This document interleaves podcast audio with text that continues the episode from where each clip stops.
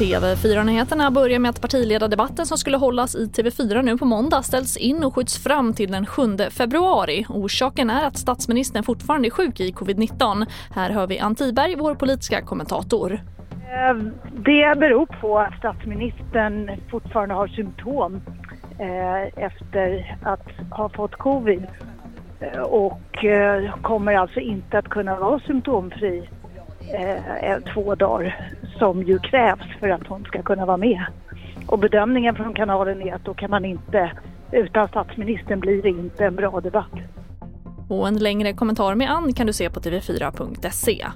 Och företaget Novolab har tillfälligt förbjudits att utföra och analysera covid-tester efter ett beslut från Inspektionen för vård och omsorg, rapporterar SR. Vid inspektionen på företagets lokaler upptäckte IVO bland annat att PCR-prover förvarats i kylskåp tillsammans med mat och dryck och att provsvar kommit för snabbt för att proverna ens ska ha hunnit analyseras.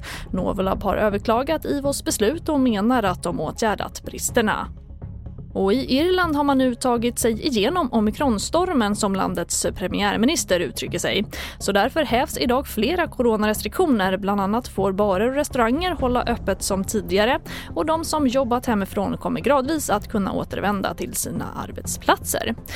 Fler nyheter det hittar du på vår sajt tv4.se. Jag heter Charlotte Hemgren.